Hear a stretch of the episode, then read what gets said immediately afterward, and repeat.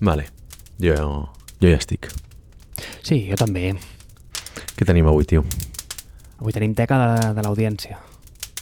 Feia temps ara que no fèiem un episodi de, de preguntes. I la veritat, també et diré, algunes d'aquestes preguntes no les havia volgut fer perquè o no les entenc o em fa molta por respondre-les, eh? Són complexes. I a més a més, hòstia, Àlex, això és raro, vale? però hi ha una d'elles que me la va proposar un noi que es diu Marc i encara recordo el lloc i el moment, tot va ser molt maco, dinant, i em va fer aquesta pregunta i em va donar molt que pensar, i vaig dir, mira, la setmana que ve parlaré d'això a foc a terra. Llavors, bueno, han passat mm, sis mesos, vale? encara no havia parlat. I curiosament, amb tot l'estiu i tot pel mig, feia molt temps que no parlava amb el Marc. I just ahir em vas dir, mira, doncs, vull parlar d'aquestes tres. I una d'elles era la del Marc. Tio, tu creus que avui, a les 8.50 al matí, m'ha escrit? O sigui, no, no crec en les casualitats, eh, Àlex? Ni aquestes coses, vull dir, ja saps que jo sóc un tio bastant en aquest sentit. Però he pensat, uau, déu nhi el destí, eh? Com te la juga quan vol, eh? Doncs escolta, explica'm de què anava perquè... Va, anem a llegir la, la, la, la primera pregunta de l'audiència. Hauria de fer una miqueta com el món d'en Bigman, saps? En Carles. De Sant Pol de Mar. De Torroella de Montgrí. Exacte. En aquest cas és bastant avorrit perquè és el Marc de Barcelona. Que podria ser 5 milions de persones, bàsicament. Sí, exacte. Jo crec que si busques com una demografia catalana que sigui la més diluïda possible, ha de ser Marc, que jo crec que és el nom més posat de tots, Sí. i de Barcelona. Sí, sí, normalment quan parlo amb la meva parella dic ah, avui he estat amb el Marc o he parlat amb el Marc, li he d'especificar quin Marc, saps? Perquè pot ser el Marc de Startup Grind, pot ser el Marc de Foc a Terra, pot ser, saps? Vull dir, hi ha molts Marcs a la meva vida. En fi, explica'm què vol dir la pregunta del Marc, de, o sigui, l'altre Marc de Barcelona, que sou només dos Marcs de Barcelona, de ens perdrem la propera onada tecnològica? Posa'm en context. A mi aquesta pregunta... Ostres, no sé si diria que em va treure la son, eh? perquè jo sol, sol dormir bastant bé. Però em va donar molt que pensar. I la vaig posar aquí com molt engrescat, dient, hosti, tu, tinc ganes de parlar d'això. Però entre una cosa i l'altra, tal dia farà un any, eh? Què vol dir aquesta pregunta? Ens perdrem la propera onada tecnològica vindria a ser com ens estem fent grans, la tecnologia està avançant molt ràpid, de la mateixa manera que nosaltres, jo crec que hem sigut la primera generació que s'ha sabut adaptar molt bé al que ha vingut, perquè jo crec que som els primers, i quan dic la generació vull dir com aquests early millennials, que van començar sense res, però s'han sabut apanyar-les molt ràpid perquè, ei, vull dir, han crescut amb internet, al mòbil, i han sabut tirar endavant amb això. Però al principi no era pas així, perquè van créixer sense aquestes eines. Llavors, han sabut adaptar-se a aquestes eines. Malgrat el seu punt és, tornant en l'episodi aquell que comentàvem dels paradigmes tecnològics, és, ei, en el que ve després, nosaltres ja serem tan vells que no ens hi sabrem adaptar? Exemple, la meva àvia, si estigués viva, segurament no tindria un smartphone. O igual sí, però crec que no. Val? O, o, o no el faria servir com, el, com l'utilitzem nosaltres. Llavors, jo sobre aquest punt, i és per això que em feia molta por obrir-lo, perquè tinc una dissonància cognitiva en el meu cap enorme. Tinc arguments pel sí, pel no, pels que creuen que no, però realment és que sí, i m'explico. El primer que em ve al cap quan contesto això, o quan el meu cap intenta contestar-ho, inevitablement, i mira, eh, jo crec que vo volem pensar que no ens afecten aquestes merdes, però sí que ens afecten, és un anunci d'un cotxe de fa molts anys. Igual te'n recordes, eh? Juraria que era un Mercedes classe B. No estic super segur, però podria posar la mà al foc on treia una mica aquest concepte de que, t'ho imagina't, no? sortien els pares, tu, estaven en un cotxe allà en una espècie d'escampat, de, fotien un polvet i sortien els fills. Llavors, els fills es miraven els pares com dient a nosaltres això no ens passarà, no? perquè els veien com molt vells i després els tios agafaven el cotxe, el, el Mercedes en, en qüestió, i se'n anaven al descampat a fer exactament el mateix. I era com una mica aquesta idea de que tu sempre vols pensar que ets diferent que els teus pares, però al final, tio, quan et fas gran ets exactament el mateix, vale? I, i tothom... O sigui, no, no sé si últimament estàs molt literat en textos estoics, però si llegeixes les meditacions de Marco Aurelio veus que som exactament la mateixa persona que fot 2.000 anys. O sigui, no hem canviat ni un àpice. Som envejosos, tenim els mateixos problemes socials amb la gent i, i tenim com les mateixes malalties socials entre nosaltres. I per tant, el de ens perdrem la propera onada tecnològica, jo el que miro intento mirar són com els meus pares es relacionen amb la tecnologia i vull pensar que jo em relacionaré igual amb la tecnologia de l'època quan tingui 20 anys o 30 anys més. I aquest és el meu primer punt, però després t'explico, si vols, els meus arguments pel sí, els meus arguments pel no i els arguments per l'interrogant.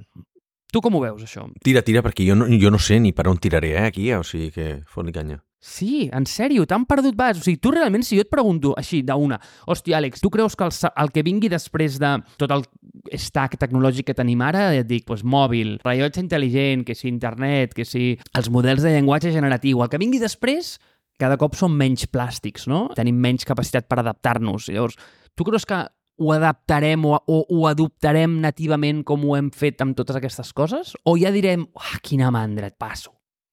Clar, et costa, suposo que costa més adoptar coses per les quals no has estat nascut, no?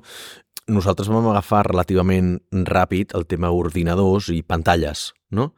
Però ens costa segurament les comandes de veu, no? No estem acostumats a parlar-li a un ordinador perquè bàsicament Siri és fucking stupid, saps? I quan li parles a, a Siri, Alexa i tot això, dius, això és una broma, saps? En el moment en què tinguem un eh, Siri Alexa, tira doncs, el que vas fer tu, la prova aquella de ChatGPT de veu, i diguis, hòstia, això ja és un altre tema, nosaltres aquí no serem natius amb això, ens adaptarem molt bé perquè tu i jo som tecnològics. Gent de la nostra mateixa edat, hi ha gent que ja no s'adapta a segons quines coses, que, que té els correus, té el, el correu 7.000 correus perquè no els ha arxivat ni els ha ha etiquetat ni ha fet cap tipus d'endreça, que el seu WhatsApp és, bueno, fa plorar, que bàsicament ja són gent que inclús la tecnologia d'avui en dia no, no, no la porten bé, no? No els diguis que han de formatejar un ordinador, saps? Vull dir, si ha un, reinstal·lar una app al mòbil ja no en saben, no? O configurar-se l'Apple Pay al rellotge. Tots aquests gradients de coneixement existiran sempre, són diferents demografies de, de persona. Entenc que això va per persones purament tecnològiques, no? O sigui, com seria com el Marc, com tu i com jo. Aleshores, en aquest cas, jo crec que ens adaptarem molt bé, però també tindrem més preconcepcions, és a dir, a mesura que et fas gran, et fas més conservador amb les coses que t'interessen, tens més coses a protegir, no? Aleshores, veus més coses com una amenaça, no tant com una oportunitat. En aquest sentit, si veiem que... O sigui, per exemple, clar, què passa? Evidentment que coses com Uber, la gent ho adopta molt més, ho adopta molt més el públic jove que el públic gran. Per què? Perquè el públic gran igual ja té familiars que són taxistes o tu mateix ets taxista, aleshores no vols agafar un Uber, no? Perquè dius, hòstia, és que això em fa perdre la feina a mi. No vols fer servir la intel·ligència artificial o les xarxes socials eh, abans perquè això et feien perdre la feina, el contacte amb els amics, etc etc. Ho veus més com totes les coses que tinc a perdre. Quan ets jove, tu bàsicament no ets conscient del teu entorn. Sempre parlem de l'expandibilitat del teu entorn propi i que quan, quan ets un criu no saps què efectes, per això tots els crius peguen patades i cops de cols a tot arreu perquè no saben l'impacte que tenen ni el, el, el, com es diu això, l'abast que tenen, no? No, si no, són, no són conscients del seu propi cos ni de, ni de les conseqüències de les coses. A mesura que et fas gran, el teu, el, el teu univers d'impacte es va fent més gran, aquesta bombolla. Aleshores penses, merda, merda, merda, cada cop tinc més coses a dins que les he de protegir, cada cop puc impactar jo més a les altres persones a mesura que et fas gran. Per tant, suposo que prens decisions més premeditades i més conservadores al respecte. Si ho veiem com una oportunitat encara hi anirem, si ho veiem com una, com una amenaça, crec que igualment tenim el coneixement i les eines com per estudiar-ho i no ens tornarem pollavelles de cop, no. Això ja t'ho dic, almenys nosaltres tres. Hi haurà altres demografies que sí, hi ha gent que diu no, no, jo no vull... O sigui, passarà una miqueta, jo crec que, com l'efecte del, del WhatsApp o el Facebook al seu moment. Val? No sé si te'n recordes que hi ha una... Són fenòmens amor-odi en els quals o la gent va o 100% a favor o 100% a contra. I aleshores tenia gent que massivament es donava d'alta totes les xarxes socials al 2009 i començava a fer servir WhatsApp per tot i enviar WhatsApp a tothom i tens la gent que és odi, que són jo no em ficaré mai Facebook, no vull xarxes socials, vull privacitat, tal, tal, tal, es tornen uns talibans d'anar en contra del, del progrés. Però aquests acaben caient tard o d'hora. No? Per això dèiem que les diferents demografies, doncs els, els early adopters, els, els, la gent de consum més, més mainstream i després els que són els, que, els, els endarrerits, no? els que acaben arribant tard. Jo crec que no ens apartarem a propera una de tecnològica i també per un altre motiu que venim comentant molt sovint, que és cada cop els cicles entre grans onades tecnològiques són més curts. Per tant, si abans és el que dius tu sempre del, del, de l'atac de cor. Aleshores, les grans invencions del de telèfon, després l'electricitat, l'aigua corrent a casa, probablement passaven 100 anys entre una i l'altra, no? I dius, hòstia, quina gran innovació. I avui en dia, pràcticament cada 5 anys tens una, una gran innovació d'aquestes, no? Ara tenim el tema de les IAs, però fa... Bueno, pots posar aquí moltíssimes no? com el tema del telèfon mòbil, el tema dels smartwatch, l'ordinador portàtil, eh, internet, posa-li el que tu vulguis, però potser 5 és una miqueta exagerat, però cada 10 anys en tenim un, jo crec que cada, cada més sovint en tindrem un altre. Serem més adaptables, també, com a, com a espècie, però dit sempre des del privilegi tecnològic. Vale, molt bé, Àlex. És que he pres moltes notes i enmig del que estaves dient he fet una cosa que és molt guai has mencionat aquesta idea això és un llibre de Jeffrey Moore, em sembla que es diu, el de Crossing, Crossing the Chasm, on hi ha sí, correcte. aquests diferents cohorts de, per, de personalitats on s'explica com ells s'enfronten a l'adopció tecnològica. Sabia que havíem parlat d'aquest llibre en algun moment a Foc a Terra. No recordo en quin moment. Molt al principi, perquè era quan no sabíem com dir chasm, que és escletxa, molt, però dels primers episodis, eh? Jo me'n recordo que era dels primers Exacte. episodis.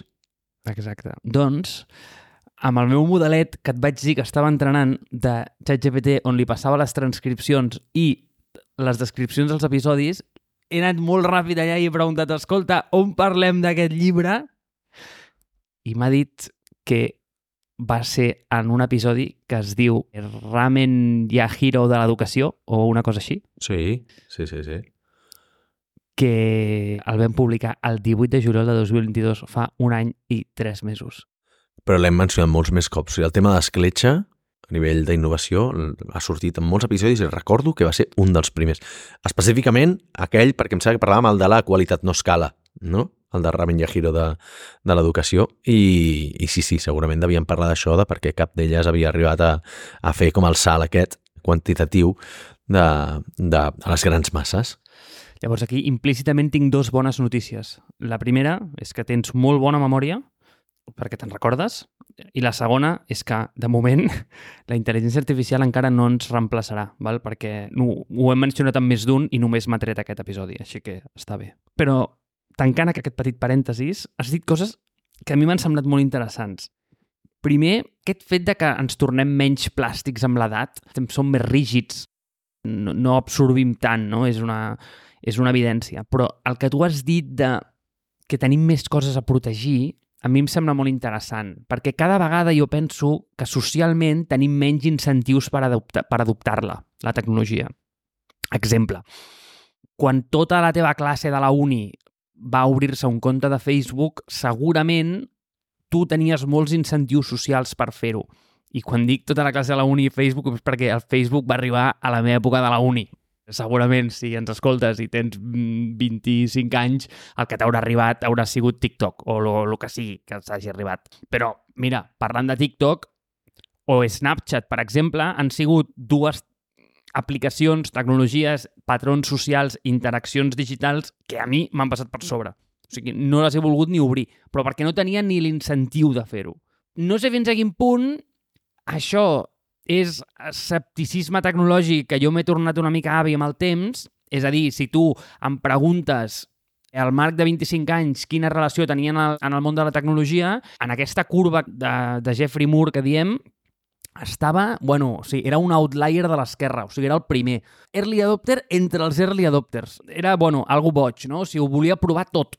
Ara, ostres, el meu gradient s'ha mogut tan enrere que no et diré que sóc un... Bueno, la part del final es diuen lagarts, em sembla, una cosa així. Lagarts, sí, sí, sí. Sí, sí podria ser un d'aquests perquè ara sóc com extremadament escèptic. És a dir, algú m'ha de seduir molt perquè tingui ganes d'adoptar-ho. I, I això és algo curiós. Però i torno a l'anunci del Mercedes, eh? de dir, hòstia, és que a nosaltres això no ens passarà. Mira, curiosament ahir estava amb la, amb la meva tieta i tenia una bombilla d'aquestes intel·ligents que s'havia comprat perquè la volia encendre segons quines hores i no sé què, però no la sabia configurar. I em va dir, em pots ajudar a configurar-ho? Ah, evidentment, sóc el recurs fàcil de la família per fer qualsevol cosa que olora tecnologia. I, Àlex, vaig entendre perfectament per què era incapaç. O sigui, no és que no estigués capacitada ella per fer-ho o no. És que literalment el que se li exigia o el que havia de fer per configurar aquella bombilla era literalment impossible. Per ella, eh? O sigui, és com si a mi m'exigeixes pujar el capitán sense corda com Alex Honnold. Igual, tio, què faré? Pues a, a la segona roca cauré a baix i em moriré. Pues per ella mm, era exactament el mateix, era impossible. I això ho veig en tantes coses perquè és aquesta idea de Feynman, tio, i té un vídeo d'aquests de YouTube que té 4.000 milions de, visualitzacions que, on intenta explicar l'electromagnetisme. El tio li pregunta per l'electromagnetisme i el tio li diu, i és que és brillant, perquè li explica, clar, jo et puc explicar l'electromagnetisme des de mil angles, però he d'entendre tu o o sigui, en, en quin gradient estàs sentat perquè jo te'l pugui explicar. Perquè si realment no tens ni puta idea de física, hauria de començar per coses molt més bàsiques que si ets un undergrad de, de física. Això és exactament el mateix. Explicar-li a algú que ha d'anar a Inbox Zero és algú que ho pots explicar d'una manera o d'una altra segons si aquesta persona sap el que és una aplicació de correu o si és un usuari de Superhuman. Llavors, i sí que aquest exemple és molt trivial, eh? però la idea ve a ser la mateixa. Per explicar com collons has de configurar aquesta bombilla, tens que entendre tantes coses perquè, per exemple, no? pues aquella bombilla en concret no funcionava amb HomeKit d'Apple. Ah, per què no? Ah, perquè per funci perquè funcioni amb HomeKit d'Apple ha d'estar homologada i ha de passar mm, certs estàndards perquè si no, no funciona amb l'aplicació aquesta de, de la caseta d'Apple. No? I diu, oh, per què no funciona amb la caseta d'Apple? Oh, tens que entendre que això val calés, per tant el, el fabricant no ho ha posat, però en canvi en allà sí que posa Works with Siri. I per què posa Works with Siri? Ah, perquè dintre de l'aplicació que ell t'obliga a fer-te baixar per configurar-la, això sí que té uns hooks cap a Siri Shortcuts perquè tu te la puguis configurar. Clar, tota aquesta merda que jo sé, doncs perquè, tio, doncs no ho sé, perquè collons ho sé, bueno, o sigui, al final ho sé perquè com que visc en aquest mundillo, vulguis que no, és com aquest efecte de flywheel. Costa molt, un flywheel d'aquests costa molt fer-lo rodar, però una vegada està rodant ja és imparable, no? És a dir, a mi em costa molt agregar una unitat addicional de coneixement sobre tecnologia perquè ja tinc una base molt sòlida. Però si comencem a parlar d'una altra cosa, jo que sé, comencem a parlar de podologia, tio, si em comences a explicar conceptes de podologia, em serà molt complicat entendre'ls, eh, per molt fàcils que siguin, perquè començo des de zero, no? I començar a moure el flywheel aquest em costarà molt. Vaya xapa, eh, xato? O sigui, tot això era un resum per dir-te o sigui, el cas pel qual sí, crec que ens perdrem la propera onada tecnològica perquè cada cop són menys plàstics, tenim menys incentius per adoptar-la, és a dir, tenim moltes coses a protegir i el que tu dius, no? cada vegada som més rígids de ment i, la, i els nostres eh, voltants socials cada vegada estan menys incentivats per adoptar-les i, per altra banda, per això, perquè la tecnologia es mou molt ràpid i cada vegada és, el, és com aquesta idea de, no sé si has vist Alicia en el País de les Meravilles, que, que li diu que per mantenir-se en el mateix lloc ha d'estar corrent el més ràpid possible, no? Doncs pues és aquesta idea. Cada vegada, per estar en el mateix lloc, has de córrer com un autèntic animal i, i és molt complicat. Per tant, jo crec que sí, aquests són els meus arguments pel sí. També en tinc pel no, eh? Ah, val, anava a dir, perquè o sigui, jo crec que no, o sigui, tal qual anaves parlant, m'estaves convencent més de que no, i et diré per què. Perquè al final nosaltres estem incentivats a seguir en aquest sector. Si és una onada tecnològica, si tu em diguessis una onada de canvi social, probablement si ens la voldrem perdre, saps? Vull dir, per què? Perquè al final, clar, el que, el, el que dius tu, quan, quan ets més jove tens molt més temps, tens molt menys a perdre i molt més a guanyar, no? Aleshores dius, bueno, què em costa ara ficar-me això? Em fico una cosa, si no funciona, tiro per una altra, i no em costa res descartar coses i projectes que no hagin sortit bé, no? I per això, quan ets jove, tio, doncs, proves feines de tot tipus, a veure què t'agrada, a veure què no t'agrada. Quan ja ets gran, dius, hòstia, pensa que tu has invertit 15 anys en una carrera, 20 anys en una carrera professional, i, clar, no pots canviar-te de sector, perquè com et canvis de sector i surti malament, potser merda, què he fet? Tiro per la borda aquests 20 anys que tenia acumulats. És una cosa que has de protegir. Després, podré tornar... És un sector que et valorarà que hi tornis o potser et posarà la creu perquè has sortit d'aquest sector i aleshores et desactualitzes. És, una, és un exemple més. Mira, diré un altre. Depèn molt de i dins de la tecnologia molts subsectors, no? I això, tu has mencionat el tema de xarxes socials, però tu, clar, tu estàs a l'última en hardware, per exemple. Per què? Perquè t'interessa, t'apassiona, es nota, és, tot el, tots els canvis que vagin sortint en hardware, tu diràs, estàs estàs allà. Tio. I, I seguirà sent un...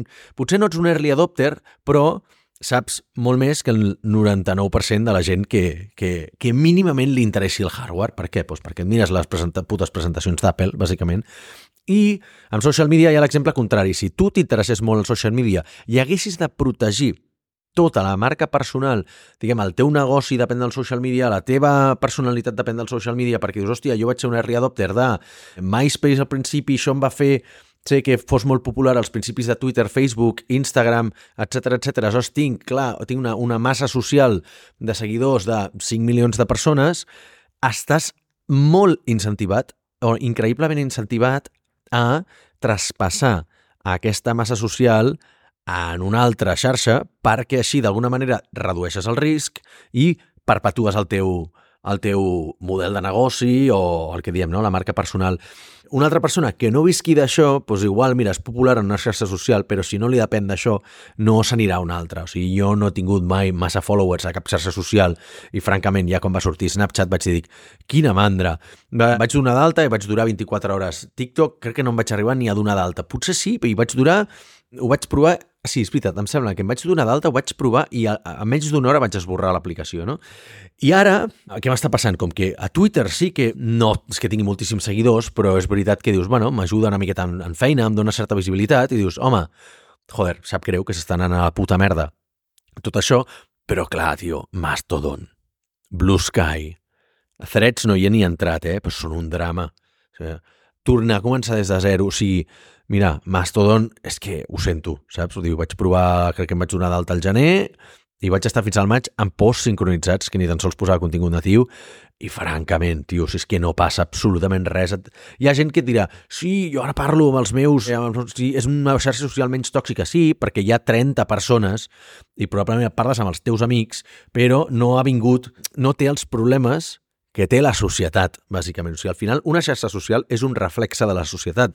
Si tu te'n vas a un poble, a un poble de 30 persones, no tens ni eh, els drogadictes, ni captaires, ni guetos, ni empreses que es dediquen a contaminar molt, saps? Vull dir, no tens els problemes d'una societat molt gran.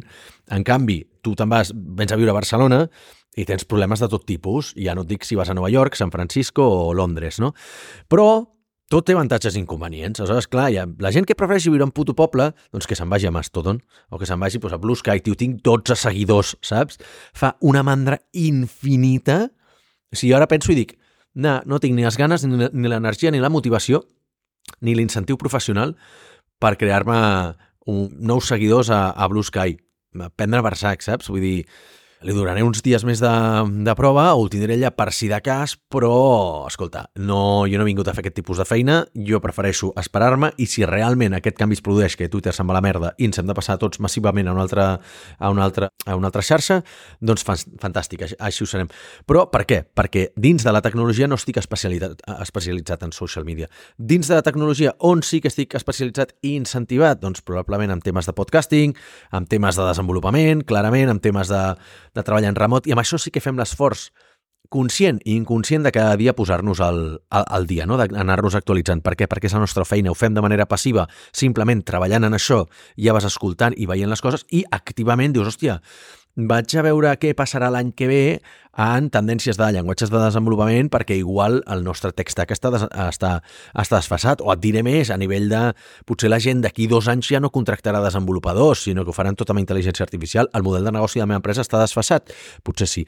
Ara, què passi amb el social media? Me la pela. Què passi amb les newsletters? M'és absolutament igual perquè no depenc de les newsletters. Què passa amb el hardware? No, no sé res de hardware o amb cotxes, no? Vas especialitzant-te una miqueta més perquè també una de les coses que, a diferència de, de, de quan érem joves, que cada cop tens menys temps, per tant, has de focalitzar-ho molt més Suposo que veus quines coses t'han donat retorn i quines no de les teves inversions i prefereixes fer un doblar l'aposta i dobles l'aposta en les coses que t'aporten més valor, amb les amistats que realment compten, no amb les superficials, amb la família, i no amb tota la família, sinó només aquella que realment t'aporta valor i no són uns autèntics desgraciats, i, i el mateix amb la feina i amb altres coses de la vida i els teus interessos. Hi ha coses que dius, bueno, doncs això ja no m'interessa, o m'interessa molt, però és que no m'aporta absolutament res, o ja no tinc el temps, prefereixo treure-li temps fent menys coses, però dedicar-li més, doncs jo ara, per exemple, li dedico molt més temps a la guitarra, menys temps a llegir. Val? i abans tenia molt més temps per, per llegir. Doncs pues, bueno, són, són coses que vas canviant amb el temps. Però bueno, no sé si això et contesta una miqueta. Per tant, en resum, jo crec que no ens perdrem la propera onada tecnològica. Sí, és un tema social, potser sí, però estem dins de la tecnologia, encara som massa joves perquè ens passi per sobre la innovació. Amb el meu cas del no, penso que has tocat la majoria de punts que tenia per ells. Tinc molt poc a afegir. En resum, resum, i parafrasejo una mica el que has dit, perquè bàsicament és el mateix que jo tenia al cap, eh? A dir, hi han molts jocs a la vida i quan dic jocs, vull dir coses a, la que, a les que nosaltres estem implicats durant el nostre dia a dia, és a dir, doncs està l'Àlex que toca la guitarra, està l'Àlex que corre, està l'Àlex que treballa en remot. Llavors, cadascú doncs, juga moltes partides a la vida, no? Llavors, vull dir que no, que les guanyis totes o no, vull dir, ja, ja, és, ja és un altre tema. Però en les partides on realment estàs jugant, a les taules on hi estàs molt invertit, en allà sí que tens uns incentius positius per seguir i a sobre, com que ja ets un tio que ha capitalitzat molt sobre allò i estàs a sobre, el teu flywheel, no sé com collons es diu aquesta paraula en català, vale? Si... Flywheel és un molinet, em sembla. Hòstia, que malament sona, fill, vinga, posa el molinet. Doncs pues com que ja tens el molinet rodant, Vale, pues, és, és que, Molinet, ho sento, però em costarà, eh? És horrible. Però a partir d'ara li direm Molinet. No, no, no, m'ho acabo de patillar, eh? Però vull dir que el concepte és el d'un molí que cada cop amb el, o sigui, costa molt fer-lo girar, no començarà a girar per si sol, però si tu li dones una petita empenta, ja, això ja fa trenques aquell punt d'inèrcia al que el vent ja el fa girar doncs, de manera sola, saps? Vull dir, però tu has de fer un primer esforç per fer-lo girar, aquest és el, el flywheel. I per això, en realitat, és un molí. Però, a mi em recordava saps? més saps? Mira, parlant de coses que quan eres petit t'agradaven molt i ara ja no, és, saps quan vas al, als parques aquells dels nens, que hi ha aquelles rodes que, que, són, que estan paral·leles al terra, que tenen com aquelles baranes que els xavals la fan rodar? Que és com una, és com una olla de hàmster d'aquelles, però girada, no? O sigui, que, que, que, sí. que l'eix de rotació està perpendicular al terra. Doncs llavors, sí. en, en, en aquestes, això al principi costa molt fer-la rodar, però un cop tens 54.000 nens tocapilotes fent-la rodar, ja allò és imparable, no? Llavors és quan, en el moment que roda massa ràpid i els nens comencen a saltar cap a fora, que llavors és quan comença a ser divertit. Volant d'inèrcia. Ah, clar. Bueno, doncs vinga, un volant d'inèrcia, no? Nosaltres tenim un volant d'inèrcia sobre certs sectors i llavors, evidentment, és molt difícil que algú començant de zero et passi per l'esquerra, no? Perquè tu ja estàs rodant molt ràpid i afegir coneixement allà sobre és senzill, o sigui, fer-lo seguint rodar. Clar, aquest punt em dona la pau de que no, de que no ens ho perdrem perquè i tampoc mai a la història hi havia hagut una força laboral tan dedicada en aquest sector com fins ara. Possiblement perquè el sector ni existia, eh? Però tenim aquests incentius positius per quedar-nos aquí. I llavors està la part de l'interrogant, que és la que t'he dit, que aquí és on jo tinc dubtes. I és que, si et fixes, i això està molt relacionat amb el que has comentat abans del, de l'atac de cor, de quant temps necessites per portar algú des del passat perquè li agafi un atac de cor. Si jo penso amb els meus avis, ostres, quan ells van néixer, que era sobre allà als anys 20, hosti, apenes hi havia cotxes pels, pels carrers. I qui tenia un telèfon a casa, bueno, o sigui, era multimilionari. Després, ostres, van veure els inicis dels televisors, però encara es tenien que aixecar per canviar de canal. Després, ostres, eh, van veure un gradient tecnològic que va anar canviant molt durant la seva vida, no? I clar, ells van viure molts anys. I igual si van morir fa poquet, doncs, escolta, van arribar a veure hasta un telèfon mòbil, no? O hasta com van arribar a fer una videoconferència amb el seu net que estava a Shanghai. Imagina't, es van tornar bojos. Clar, igual a tu això et sembla molt perquè són molts anys, però si tu et pares a pensar, realment, tota aquesta història que ells han viscut en 80 anys, 90 anys, literalment tu l'has viscut en 30. Però literal, eh? I cada cop més els incentius tecnològics i de la manera que està evolucionant el mercat, et donaràs compte que aquests 100 anys que ells van viure o aquests 30 que tu has viscut, a dia d'avui igual, igual en són 10. Perquè jo què collons sé què estarà passant dintre de 10 anys, no? I clar, veure aquesta evolució tan ràpida, no sé fins a quin punt... Aquest per mi és l'interrogant. És a dir, hòstia, veig això i sobretot veig les noves generacions com interactuen amb la tecnologia i veig que ho fan d'una manera molt diferent a la meva. Però molt, molt. És a dir, ells hi ha medis que els han adaptat de forma nativa. És a dir, que ja han crescut amb allò. Perquè a tu, per dir alguna cosa, eh, un iPad te'l van donar quan tenies 20 anys. I et van dir, mira, fill, això és un iPad. És com un telèfon, però molt gran. Que guai. Vale. I vas fer com certes assumpcions i tu el vas, d'alguna manera, catalogar o el vas posar en el, a la teva escala de, de valors. Doncs pues mira, pues això està entre un ordinador i un mòbil, tal, eh, perquè ja tenies com un mapa muntat, no? Però tu has de pensar que aquests xavals Igual també per, ho sento, eh, si hi ha algun pare que ho fa, però vull dir, per, mm, per negligència dels seus pares, amb 3 anys tenen un iPad enganxat perquè és l'única cosa que el fa callar, no? L'algoritme de YouTube es veu que fa callar els nens, d'acord? Denúncia social de l'episodi, eh, Marc? Molt bé. Sí, sí, o sigui, sí, sí, ho sento molt, però si ets un pare que per fer callar el seu fill li posa un iPad davant, o sigui, ara, no, no et faré res, eh? perquè jo no sóc un tio inofensiu absolutament, però no estic d'acord. O sigui, jo crec que... Bueno, igual jo faria el mateix si tingués un fill, però com que no en tinc, me les puc donar que no ho faria, perquè és un cas hipotètic que encara no s'ha donat i, per tant, no, no, no ho sabem. Child's planning, exacte. Molt bé. Exacte, no? Llavors, doncs, jo penso que, tio, si estàs fent això, li estàs fent un desfavor al teu fill. Però, a lo millor no.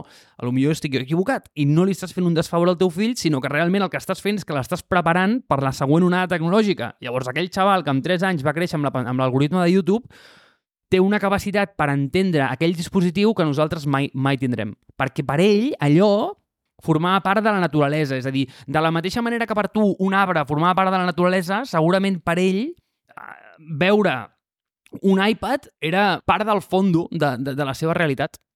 No sé, és interessant aquest punt. Jo crec que la resposta queda més que...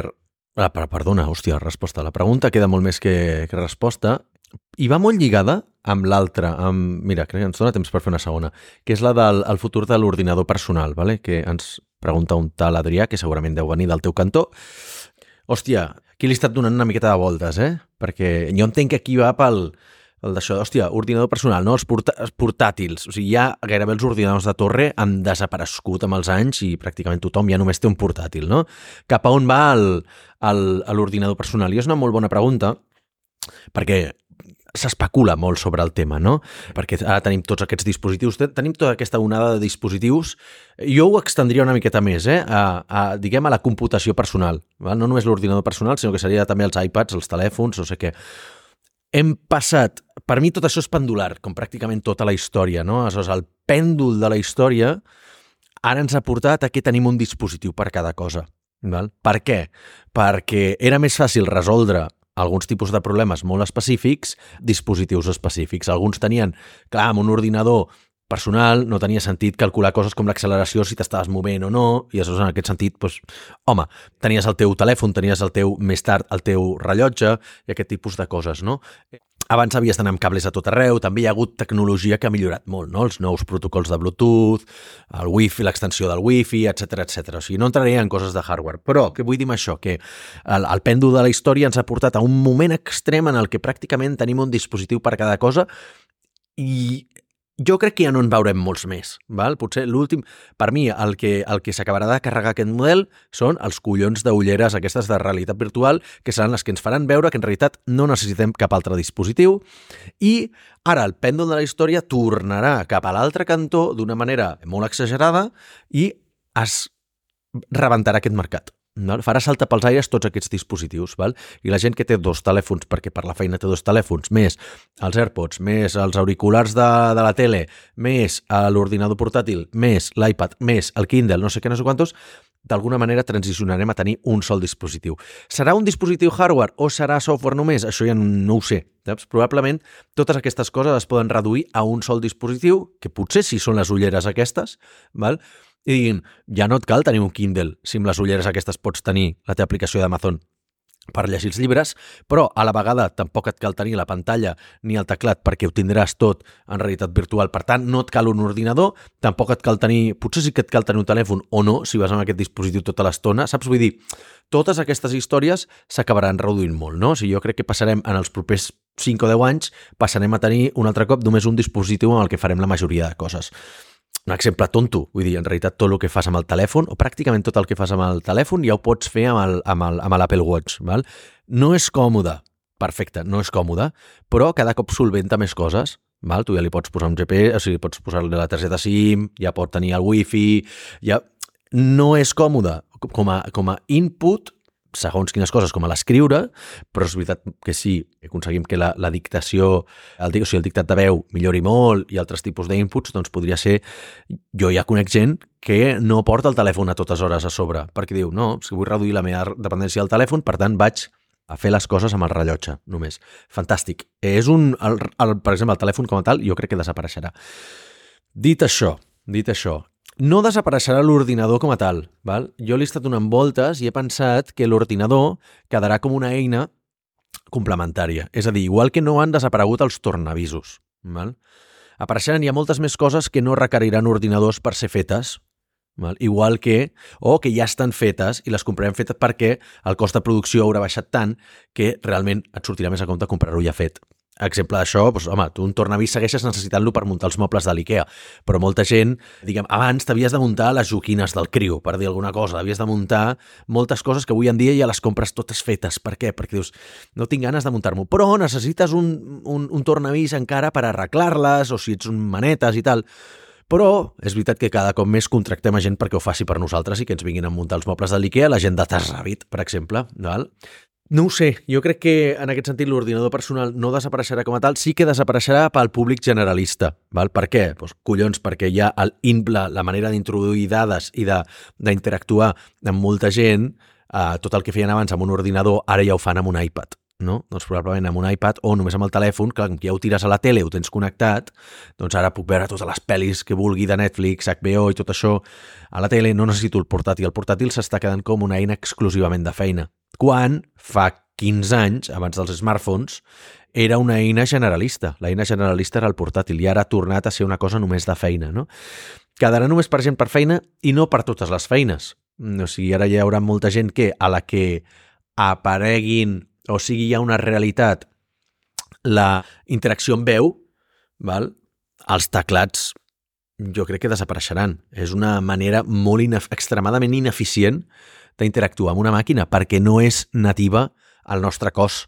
Val? La veu sí, interactuem entre nosaltres amb veu, però un teclat has de fer un esforç de mecanografia, de mapeig mental d'on estan les coses, d'hòstia com et canvien el teclat d'un espanyol a un europeu, a un, a un anglès o inclús a un francès, i ja et canvien molt les, les tecles, no és, no és eficient, s'ha de fer un esforç. Aleshores, la tecnologia està eliminant barreres que no tenen sentit amb el temps que queden obsoletes. Aquesta és una. Per tant, segurament moltes feines que fins ara requerien un ordinador per introduir dades a Excel, val? que igual tampoc necessites realment un, un ordinador amb un teclat per això, o ja ho hem vist també amb els dissenyadors gràfics, no? que al final doncs, han acabat tirant per les, les tabletes aquestes per dibuixar i altres dispositius, no necessitaran un ordinador com a tal. Menys gent necessitarà un ordinador per operar amb la seva feina, perquè al final acabarem, el que deies tu, episodis anteriors, no? El futur s'assembla molt més a Her.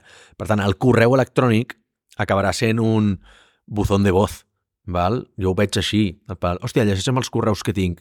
Tens tants correus. Els més, els més importants o més urgents són aquest, aquest, aquest, perquè requereixen resposta teva avui.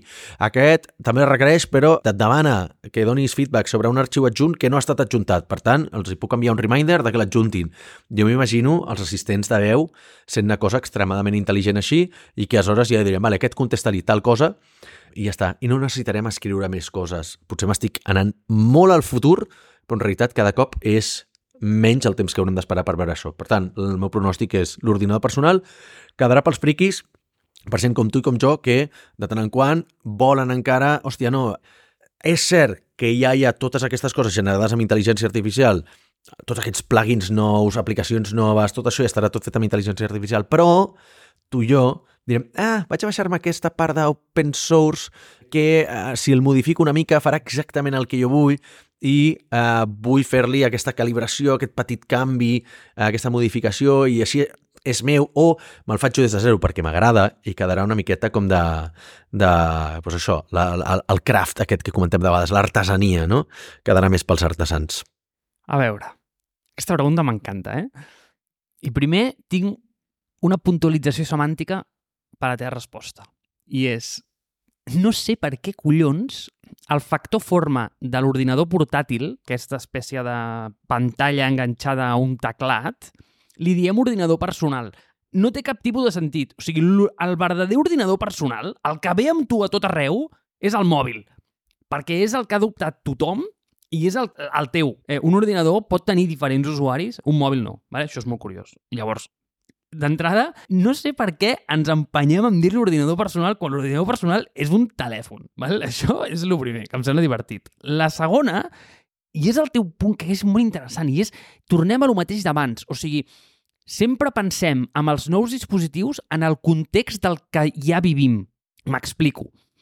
Per què l'adopció del telèfon mòbil als països xinesos quina merda d'expressió als països xinesos. Es vull dir, a la Xina o als països asiàtics ha estat molt més ràpida, molt més ràpida que aquí. Val? Sí, els països xinesos, sí, clar, com que n'hi ha tants, no? Sí, o sigui, hi ha molts xinos i hi ha pocs països xinesos. pues, ha sigut tan ràpida perquè quan han començat a ploure telèfons mòbils a la població, no hi havia ningú que tingués un ordinador personal, diguem un ordinador portàtil, d'acord? Ningú en tenia. Llavors, què passa? L'adopció tecnològica és molt més ràpida, perquè tu, quan et cau un mòbil a la mà, penses que és el germà tonto del teu portàtil. En canvi, quan li cau a un senyor asiàtic, xinès, digue-li com vulguis, que mai ha tingut un ordinador portàtil, és que em surt personal, però no vull dir-li personal, perquè per mi el personal és, és el mòbil, però bueno. Quan li cau a ell a les mans, allò és el seu món a la computació i, per tant, té unes assumpcions sobre aquell dispositiu molt diferent que les teves. Si tu te'n vas a la Xina i mires com utilitzen els telèfons mòbils, és acollonant el que fan amb ells. I això s'està començant a notar també ara en les noves generacions, és a dir, en aquestes noves, en aquests genzis d'última fornada, aquests tios fan servir el mòbil d'una manera que jo no el faria servir mai. I em sembla acollonant com el fan servir. Per què? Perquè ells tampoc han crescut amb un portàtil a la mà perquè aquests són els primers que s'estan sortint d'aquesta curva. És a dir, nosaltres vivim en un segment molt curiós, perquè hem crescut amb el, amb el portàtil de tota la vida, amb l'ordinador, i allò que ens sentàvem amb la pantalla i el teclat, però això ha passat en un moment molt concret, en un espai temporal i geogràfic molt concret, perquè en el mateix lloc, en el sud-est asiàtic, tampoc passava, en el mateix moment, perdona. Llavors, a què em refereixo amb això? Quan jo penso en el futur de l'ordinador, clar, tinc una imatge molt esbiaixada d'això, perquè ho està pensant algú que sempre n'ha tingut un i que per ell la resta són dispositius accessoris, quan per altres aquells dispositius accessoris són el seu dispositiu principal. Primer, com aquesta s'ha de fer com, com, com, com aquest exercici d'empatia, no? Cap a... perquè al final tu et penses que el teu és l'únic, quan en realitat si penses en números agregats, nosaltres som la minoria, eh? En compte. I també tinc en el cap, és que no sé, són moltes idees, eh? però també tinc en el cap aquesta idea de que els camions a les carreteres mai s'han extingit, perquè al final els ordinadors, com amb teclat, acabaran tenint una funcionalitat molt restringida i és la de, igual, crear les eines que fa servir la computació general. O sigui, per fer una aplicació de mòbil necessites un ordinador, l'has de programar, és una realitat, és una evidència. Per tant, per crear els aplicatius que funcionen en la gran majoria necessites treballar amb la gran minoria, però també et dona la idea de que la gran minoria fa les aplicacions per la gran majoria, per tant té bastant sentit. És a dir, segurament tu i jo, Àlex, no tindrem atenció, eh? m'has de seguir amb la idea de la carretera, eh? un cotxe elèctric o un cotxe d'hidrogen perquè tu i jo seguirem anant amb camió als llocs. Llavors, igual en tenim un al pàrquing i el fem servir de tant en tant perquè no l'utilitzem gaire i utilitzem el camió per tot, però fem servir el camió per la majoria de coses. Llavors, veuràs, seguiràs veient camions a la carretera? Sí, però la gent ja no farà servir camions per anar a comprar al súper sinó que ja es comprarà un patinet. I mm, qui vulgui tenir un camió, igual el tindrà al pàrquing com nosaltres i el farem servir per tot encara i encara veus, malauradament, camions baixant pel carrer Balmes. Igual aquest serem nosaltres. Perquè, mira, ens fa mandra agafar el patinet, saps? Perquè, tio, som uns romàntics de l'ordinador. Jo és que faig servir l'ordinador per tot, eh? Per tot. O sigui, si tu un mínim preguntes el teu ràtio d'ús de mòbil ordinador, bueno, sí, sí, jo el mòbil el podria fer servir mitja hora al dia, potser. Jo el mòbil el faig servir zero. Si no tingués mòbil, estaria igual de tranquil. Això sí, em treus l'ordinador i, em, i em poses un problema, eh? Clar, però fixa't que hi ha dues coses aquí, que estem parlant del futur de l'ordinador personal com a... Com, hi ha dues coses, com a hardware o com a concepte, no? O sigui, com a hardware és el portàtil. O sigui, com a portàtil, com a tal, jo crec que seguirà existint i no canviarà radicalment, val? Per què? Perquè no ha canviat en 30 anys. Si tu mires un portàtil d'ara i mires els de fa 30 anys i són tenen els mateixos conceptes, que no components, han canviat dels components, però segueixen sent una cosa que s'obre, val? que té un teclat, té una pantalla i té connectors i té per controlar el, el collons de, de cursor. Val? En forma no han canviat molt, han canviat per dins. Val? El que sí canviarà és el concepte de l'ordinador personal, perquè el que dius tu jo crec que ja ha canviat. Per mi, o sigui, per tu és el mòbil, per mi l'ordinador personal és l'ecosistema de dispositius, val? perquè hi ha coses que el mòbil no et solventa, no? I t'ho solventa el, el rellotge, que és el tema de les medicions de salut, per exemple, no? O, jo què sé, l'iPad per, per entreteniment més que el mòbil, perquè el mòbil no et posaràs a mirar una pel·li allà, quan abans ho feies a l'ordinador, si ho hem anat desacoplant i, de, i distribuint. Però aleshores aquí hi ha dos conceptes. És, arribarà, o sigui, quin és el proper dispositiu, perquè pot arribar per un dispositiu nou o pot arribar pel mateix dispositiu. Tesla i Apple són dues empreses que en realitat fan una cosa que és bastant bé i una cosa que és bastant malament. Una que és el de constantment avaluar si, que fa Tesla és, avui en dia, si ens posem a dissenyar un cotxe avui en dia, què no ens, no ens enduríem de, de, de bagatge, d'equipatge, de tradicions, val? si has de dissenyar un cotxe avui, segurament no tens les constraints de quan es van començar a dissenyar cotxes o els cotxes moderns, no? Apple fa exactament el mateix amb el portal i cada dos per tres ho fa i diu, hòstia, realment, saps, ens cal tal cosa, ens cal tal altra, o sigui, ara ja, si ja tenim Bluetooth, realment ens cal cables per tot, doncs anem a eliminar els ports perquè la penya no connecti més coses amb cables i l'ordinador sigui una cosa que vagi sense cables i vagi més per Bluetooth i per Wi-Fi, etc etc. Fantàstic. Això és el que fan molt bé. Però també fan molt malament en potser voler ser massa radicals i saber que allò li va molt bé per la gent que potser ho adopta com a primer dispositiu i, per tant, no té tota aquesta motxilla i diu que només porta dos ports al portàtil fantàstics, i tampoc. Però la gent que veníem d'un portàtil en el que connectàvem sis coses, hòstia, toca els ous que em treguis tots els, els ports del portàtil, no? Que em treguis el jack, per exemple, quan sempre connectava els, els, els auriculars allà, no? Aleshores, clar, què passa? Que aquí has de triar tu si el que vols fer és una, una disrupció massiva o començar a anar a un nínxol de gent que el que faci és que després ells siguin els que et facin la distribució. Per això es comencen prototips molt trencadors i després s'acaben tenint els compromisos aquests de dir, bueno, però en realitat doncs no, el, el dispositiu final no acaba sent tan trencador, acaben tornant enrere amb algunes coses perquè veuen que si no concedeixen certes coses, doncs no hi haurà l'adopció massiva que necessiten perquè això funcioni.